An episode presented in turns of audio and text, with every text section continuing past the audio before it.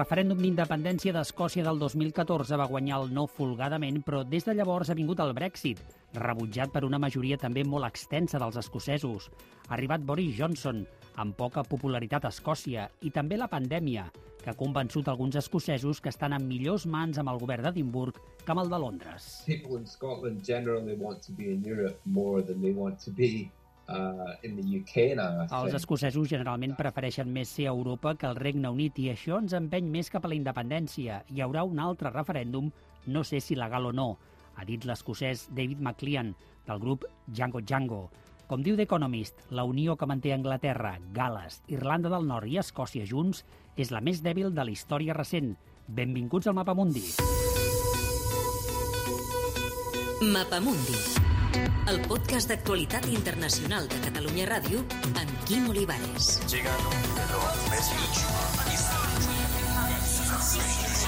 Mapa Mundi, el podcast per saber què passa al món.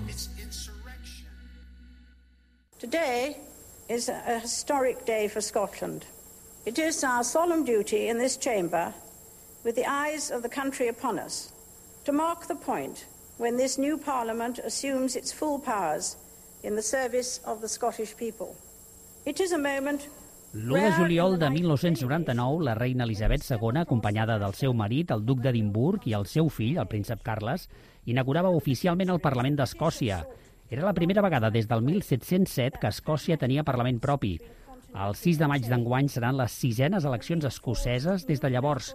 Des del 2007 les ha guanyat el SNP, el Partit Nacional Escocès, que porta, doncs, 14 anys consecutius al poder. Sergi Molero, no nota el desgast polític aquesta formació o què?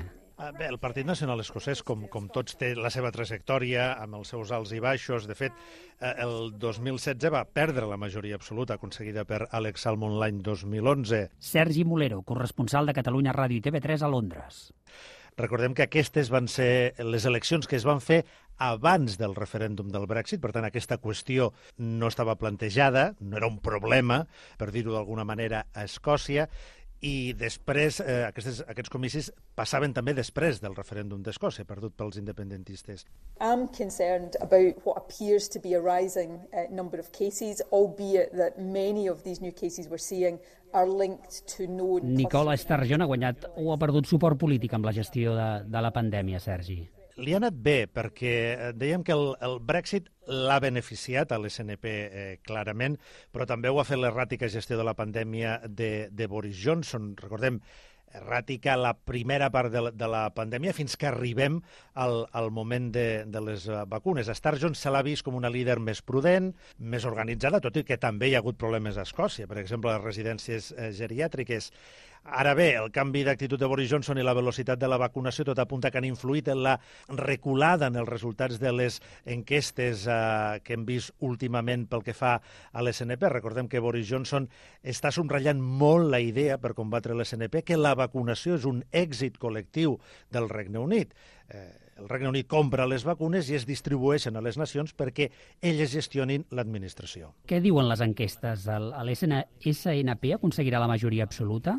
Les enquestes li donen una, un avantatge molt clara a l'SNP. Com es tradueix després això una majoria és una mica erràtic per, pel propi sistema electoral escocès. Robert Linyeira, politòleg i professor a la Universitat de Glasgow a les últimes eleccions, si us recordeu, l'SNP va guanyar molt còmodament les eleccions, de fet, amb més suport en el vot de llista que les eleccions anteriors, però en canvi no va aconseguir una majoria absoluta. Per això, perquè el sistema electoral escocès és una mica complex, són dos vots, un vot als districtes petits, que venien a ser com les comarques de Catalunya, i un vot a, a unes llistes més grans, que podrien ser com les províncies de Catalunya, i estan comunicats els uns als altres. I si tens molt d'èxit amb el vot als districtes aconsegueixes menys eh, diputats eh, de llista. Llavors, com ho fa si el partit d'Alex Salmon o en quina mesura la gent voti SNP al districte i Verds, que també és un partit que no suporta la independència, al vot de llista, això permetrà que aconsegueixin la majoria o no. Però l'avantatge la, que tenen les enquestes és molt i molt còmode i similar a les eleccions anteriors. The party's strategic aims are clear and unambiguous to achieve a successful, socially just, environmentally responsible, independent country. The tactics are to stand for the regional list to secure the supermajority for independence. Alex Salmond, ex primer ministre escocès i artífex del primer referèndum del 2014, parlava d'aconseguir una supermajoria independentista en el Parlament escocès el dia precisament que presentava la seva nova formació, el partit Àlava. La guerra oberta entre Nicola Sturgeon i Alex Salmond eh, tindrà alguna conseqüència en les eleccions o l'electorat ho veu com alguna cosa pròpia de les baralles, Sergi, de, entre els polítics? En la vida diària dels, dels escocesos hi ha molts altres eh, temes i, de fet, les diferències entre ells dos eh, ja es coneixien. Sobre el partit Àlava, la gran pregunta és si aconseguirà representació o no al Parlament de Holyrood. Recordem que les enquestes mm, li estan donant entre un 2 i un 3% dels vots i, eh, en principi, es creu que no aconseguiria representació. Aquest és, però, el gran dubte, perquè a partir d'aquí també veuríem si eh, el projecte de Salmon ha tingut èxit o no i per això també l'SNP està fent una crida al vot útil per eh, donar-nos suport completament a, a l'SNP en qualsevol de les llistes. Entre el Partit Nacional Escocès i el Partit Àlava hi ha diferències, els dos són independentistes, però hi ha diferències de programa?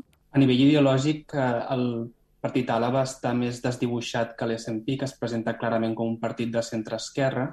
Daniel Satrà, politòleg, investigador del Centre on Constitutional Change a Edimburg i professor de la UOC. I després, pel que fa a la manera d'obtenir la independència, el partit àlava, tot i que és una mica ambigu en, en alguns aspectes, defensa un referèndum immediat i, de fet, Alex Salmond a vegades ha parlat de no negociar les condicions d'un referèndum amb el govern britànic, sinó negociar les condicions de la independència. Un partit que presenta un nacionalisme més romàntic, també, que invoca alguns símbols històrics del nacionalisme cultural, escocès, batalles històriques que l'SNP eh, de, dels últimes dècades mai ha volgut invocar i ha volgut presentar-se com un partit modern i després aquesta agenda més express per aconseguir la independència. I el paper dels verds? Els verds podria ser una crossa del, de l'independentisme? Històricament ho, ho han estat, és a dir, és el partit que junt amb l'SNP a 2014 va fer campanya en favor de la independència, ha donat suport al govern actual de Nicola Sturgeon i en el cas que l'SNP no aconsegueixi la majoria serà el soci parlamentari de govern més probable de l'SNP. We are still in the wake of the most deadly pandemic. Over 10,000 people have lost their life. This is not the moment for another referendum. We can choose to focus on what unites us as a country, not what divides us. We can recover from COVID using the strong foundations of the United Kingdom. But we won't manage any of that if the SNP get a majority and hold another divisive referendum. Aquests són els tres principals candidats unionistes per les eleccions en un dels debats electorals, el liberal-demòcrata Willie Rennie, el laborista Anna Sarwar i el conservador Douglas Ross. Quins actius polítics tenen els partidaris que Escòcia continuï al, al Regne Unit? El candidat conservador és potser l'únic que pot fer ombra al SNP? Doncs la veritat és que portar la torxa de l'unionisme en aquestes eleccions eh, és més difícil. L'any 2016 eh, la qüestió era una altra. Hi havia una candidata conservadora que era força popular, Ruth Davidson, que tenia un discurs clarament, directament unionista, expressat amb, amb un somriure. The media was calling us a corpse that wouldn't twitch, and that was on a good day. Um, i, i la veritat és que és la responsable de l'augment que, va tenir, eh, que van tenir els conservadors escocesos en els seus en resultats. La imatge de Douglas Ross és, la veritat, menys amable, més robòtic, així és eh, percebut per una part almenys de l'electorat, eh, per la repetició del seu discurs, que pot afectar a la seva credibilitat. I, a més a menys, doncs, té un llaç, que és el propi eh, Boris Johnson a Escòcia. Eh, Daniel o, o Robert, els laboristes, de fet, van ser els dominadors de la política escocesa durant molts anys, eh, van guanyar les dues primeres eleccions al Parlament. Ara tenen alguna opció de ser de, determinants? No tenen una opció de ser determinants, segons el meu parer, però sí que tenen opcions de desbancar els conservadors com la segona força del Parlament i com la principal força unionista, com comentava el Sergi. Els Labour, tradicionalment un partit històric que dominava confortablement la política escocesa i que en, de, en els darrers temps eh, s'ha vist superat en, en, tant en l'eix esquerra-dreta com en l'eix nacional i està desdibuixat. És un partit que no queda clar quin rol té en, el, en els dos eixos i a més que aquí va penalitzar molt unir-se als conservadors en la campanya Better Together. And I'm proud too that we share and cooperate as part of the United Kingdom. And that means more jobs, better healthcare, higher pensions, more security. De 2014, una cosa que molts votants laboristes no van entendre en el seu moment. El 18 de setembre del 2014, en el referèndum d'independència a Escòcia, el no va guanyar amb el 55% dels vots per un 44 del sí. El primer ministre britànic de l'època era David Cameron. The people of Scotland have spoken, and it is a clear result. They have kept our country of four nations together. And like millions of other people, I am delighted la gent d'Escòcia ha parlat i és un resultat clar que manté unida el nostre país de quatre nacions i com milions de persones estic content, deia Cameron el 19 de setembre, i afegia que el debat s'havia resolt per una generació. Creieu que set anys després hi ha una crida popular a Escòcia per tornar a convocar un altre referèndum, Daniel i Robert? Bé, la, la qüestió està molt dividida. A la política escocesa abans era més confusa i ara és tot, està tot molt alineat. Si ara dones suport a l'SNP, és molt probable que doni suport a la independència i és molt probable que doni suport a que es, doni, a que es celebri un segon referèndum. Mentre que la gent que vota als altres partits, els partits unionistes, és molt probable que estiguin en contra de independència i és molt probable que, que estiguin en contra de que se celebri un referèndum a curt termini. Llavors no hi ha una majoria amplíssima, sinó que la, la, la societat escocesa també és aviat dividida al voltant de la qüestió de si s'ha de celebrar un nou referèndum. De fet, arran del que comenta el, el Robert, amb el que estic totalment d'acord, és interessant veure que no hi ha partits autodeterministes eh, antiindependència al Parlament escocès. Ara mateix, com deia ell, si ets pro referèndum és que ets pro independència i viceversa. Europe. We're leaving you, they say. But we won't be leaving what we have together. We've come too far and we're far too fond of you. What we will leave, though, is a promise to you. We'll leave space in our hearts and at our tables. Our workplaces and our universities will be open to you always. El govern escocès va llançar l'1 de gener passat, poc després del Brexit, una campanya internacional adreçada a la Unió Europea sota el títol Scotland is here, Scotland is now, el vídeo que sentim de fons hi veu una dona dalt d'un far de les Highlands escoceses, des d'on promet guardar un espai en els cors i a les taules escoceses. Diu, les nostres empreses i universitats estaran sempre obertes per vosaltres, Europa. Fins quin punt, Sergi, el Brexit és el responsable que es torni a parlar d'un nou referèndum d'independència? Sí, el, el Brexit ho accelera tot, Escòcia hi va votar clarament en contra, i a més això es combina amb el fet que, bé, mm, David Cameron el que feia era campanya en contra del Brexit i, i a més a més, eh, doncs havia permès la celebració del referèndum d'independència. La qüestió a Escòcia es va complicant amb Theresa May, que ja no és tan ben rebuda, i directament la combinació amb la personalitat de Boris Johnson fa que, que realment la qüestió estigui eh, molt present, eh, perquè a Boris Johnson sí que se'l vincula, amb xiulets inclosos a les seves visites a Escòcia, amb la idea de dominació de Londres eh, cap a Escòcia. I, a més a més, també influeix tot el que està passant a Irlanda del Nord, perquè recordem que Boris Johnson va repetir moltes vegades eh, amb els acords del Brexit no suposen que hi hagi una frontera econòmica al mar d'Irlanda. Finalment i és, i fins i tot els unionistes extraordinàriament lleials a Londres se senten traïts pel primer ministre britànic. You're going on and on about a, a referendum, uh, and we don't actually know what that referendum would set out to achieve. We don't know what the point of it would be. What, what happens to the, the army, what happens to the crown, what happens to the pound, what happens to the foreign office. L'últim viatge precisament del primer ministre Boris Johnson a Escòcia per visitar uns laboratoris va estar envoltat de polèmica amb les recriminacions de Sturgeon per fer-lo en un moment on només es podien fer viatges essencials per la pandèmia és cert que cada vegada que parla sobre l'afer escocès creixen les expectatives de vot independentista, Daniel o, Robert? A, a mi no em sembla que tingui tant de poder amb Boris Johnson. És, és cert que el Partit Conservador tradicionalment és un partit no gaire popular a Escòcia, amb alguna excepció, com comentava abans el Sergi, en el temps que liderava la Ruth Davidson. És cert que ell representa i encarna un nacionalisme més d'estat, més anglès i menys unionista tradicional al Partit Conservador. És cert que ell no col·labora a la causa i no ajuda, però no crec que tingui aquesta capacitat de fer que, que augmentin el, nom, el nombre d'independentistes perquè és una qüestió molt debatuda a la societat escocesa. És a dir, les posicions estan bastant assentades, la gent té bastants arguments i raons per donar suport al que hi dona i només quan hi ha un canvi de les circumstàncies, com per exemple quan s'ha materialitzat un Brexit dur, és quan hi ha un cert canvi en l'opinió pública. Some people say that we're not a Scottish party, but neither are we an English party, nor a Welsh party, nor an Irish party. We're a party of the whole United Kingdom. Johnson és més o menys popular que ho va ser Margaret Thatcher a la, a la seva època? Els nivells d'impopularitat que va arribar Margaret Thatcher al nord d'Anglaterra i Escòcia no crec que els hagi assolit Johnson.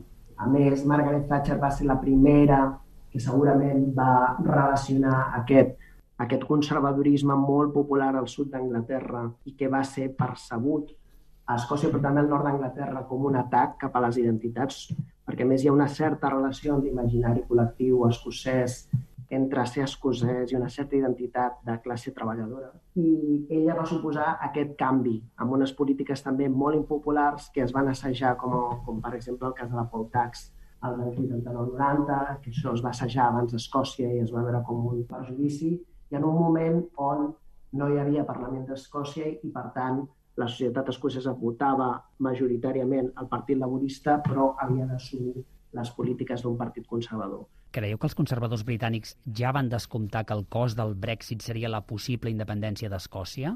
Hi ha una manca de reflexió sobre aquests temes i ha existit els últims anys.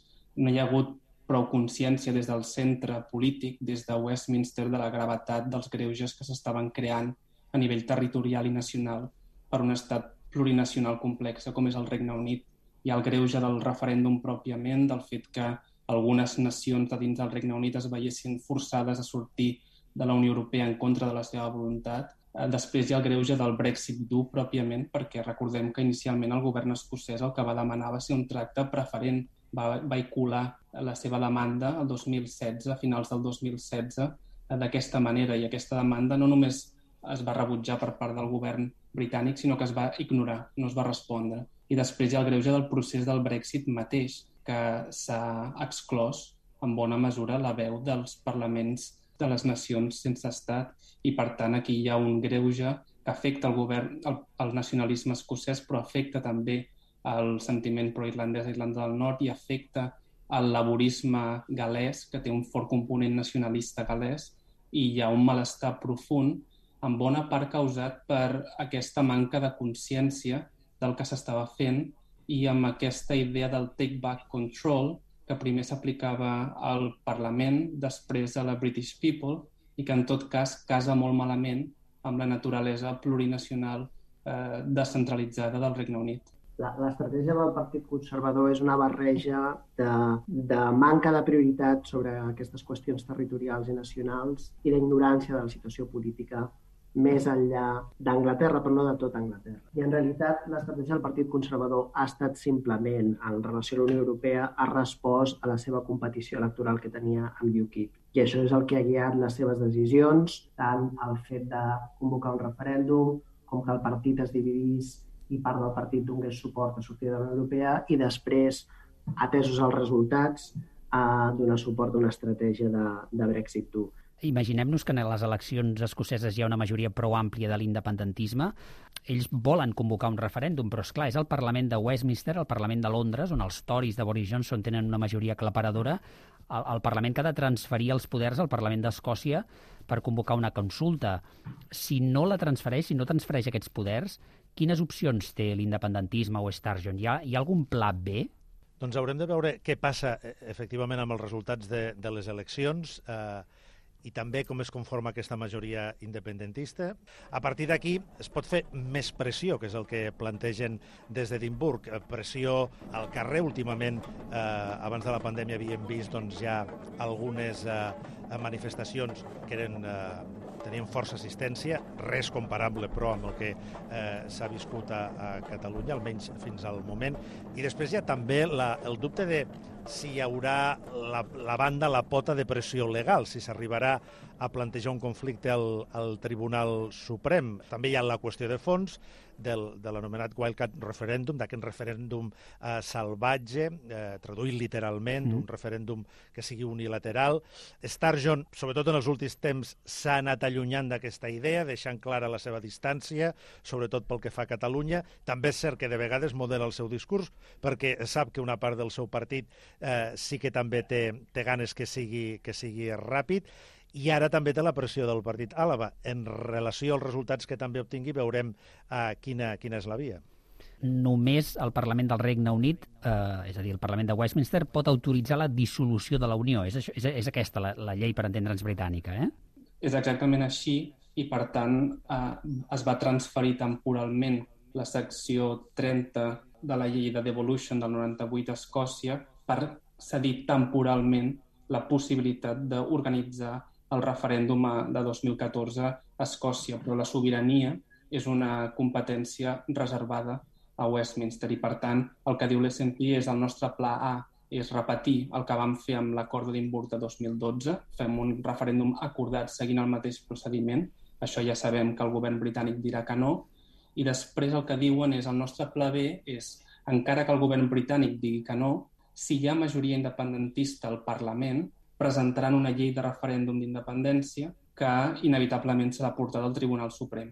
I per tant ens anem a un, a un camí legal i està per veure què passa. Hi ha una part de l'SNP que diu home, una decisió negativa del Tribunal Suprem ens aniria bé perquè seria el cop definitiu a la Unió. No? Seria aquesta idea de com pitjor millor. El Tribunal Suprem estaria de facto dient que Escòcia no té dret a l'autodeterminació, que és una cosa que fins i tot eh, Margaret Thatcher en el seu moment va defensar, que Escòcia tenia dret a l'autodeterminació, tot i que no a l'autonomia. Això crearia un greuge molt potent i una part de l'SNP diu que no seria una mala solució, en qualsevol cas seria un bloqueig absolut eh, de la situació.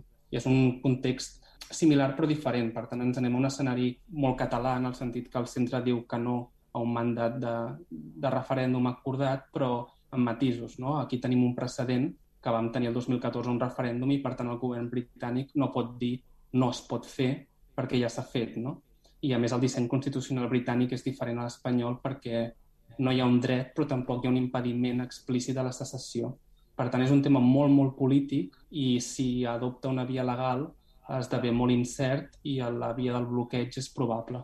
La qüestió és que la, la Constitució britànica, a diferència de, de l'espanyola, és una Constitució no codificada, és a dir, no hi ha un llibret que digui això i només això és la Constitució, sinó que són diverses lleis i diversos costums. És una Constitució molt flexible, que es pot canviar amb molta facilitat, i a més la naturalesa de la Unió és el resultat d'un tractat que va unificar els parlaments d'Escòcia i Anglaterra al segle XVIII. És a dir, al marge de discussió de fins a quin punt Escòcia podria fer-ho d'organitzar un referèndum de manera unilateral, tot i que el precedent diu que no pot, però hi ha molt més marge de discussió que el que podria haver-hi, per exemple, aquí a Catalunya. I això fa que, si s'opta per aquesta via, que sembla poc probable, a banda de que és un país amb una política menys judicialitzada que la d'aquí, el Tribunal Suprem no té el pes ni la tradició que té el, el Tribunal Constitucional o el Tribunal Suprem aquí a Espanya, donaria per un debat molt llarg. I, de fet, en el seu moment és un debat que no es va tenir, però alguns constitucionalistes defensaven que en certes circumstàncies, abans que es trobés l'altra via de, de la secció 130 que comentava el Dani, es podria organitzar un referèndum de manera unilateral. Un dels arguments de l'unionisme per votar no a la independència d'Escòcia el 2014 va ser que si Escòcia era independent sortiria de la Unió Europea just tot el contrari del que ha passat uns anys després amb el Brexit. Eh, per molts escocesos, la independència pot ser una ruta per escapar-se del Brexit i tornar altra vegada a la Unió Europea. Creieu que això es pot percebre en, un, en una hipotètica eh, campanya per, per al referèndum d'independència de, d'Escòcia?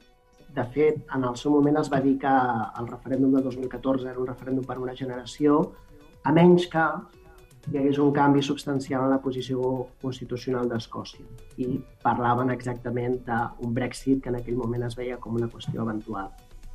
I això és el que ha fet que hagi canviat una mica el perfil del votant que dona suport a la independència. El 2014 els homes eren més partidaris que les dones de la independència, això ha canviat i això té a veure amb el Brexit, i la gent molt jove que no era tan entusiasta amb la independència, ara sí que ho és, i això també té a veure amb el Brexit. És a dir, el Brexit li dona un significat diferent amb molts canvis eh, al que és la independència i en l'electorat potencial que li dona suport.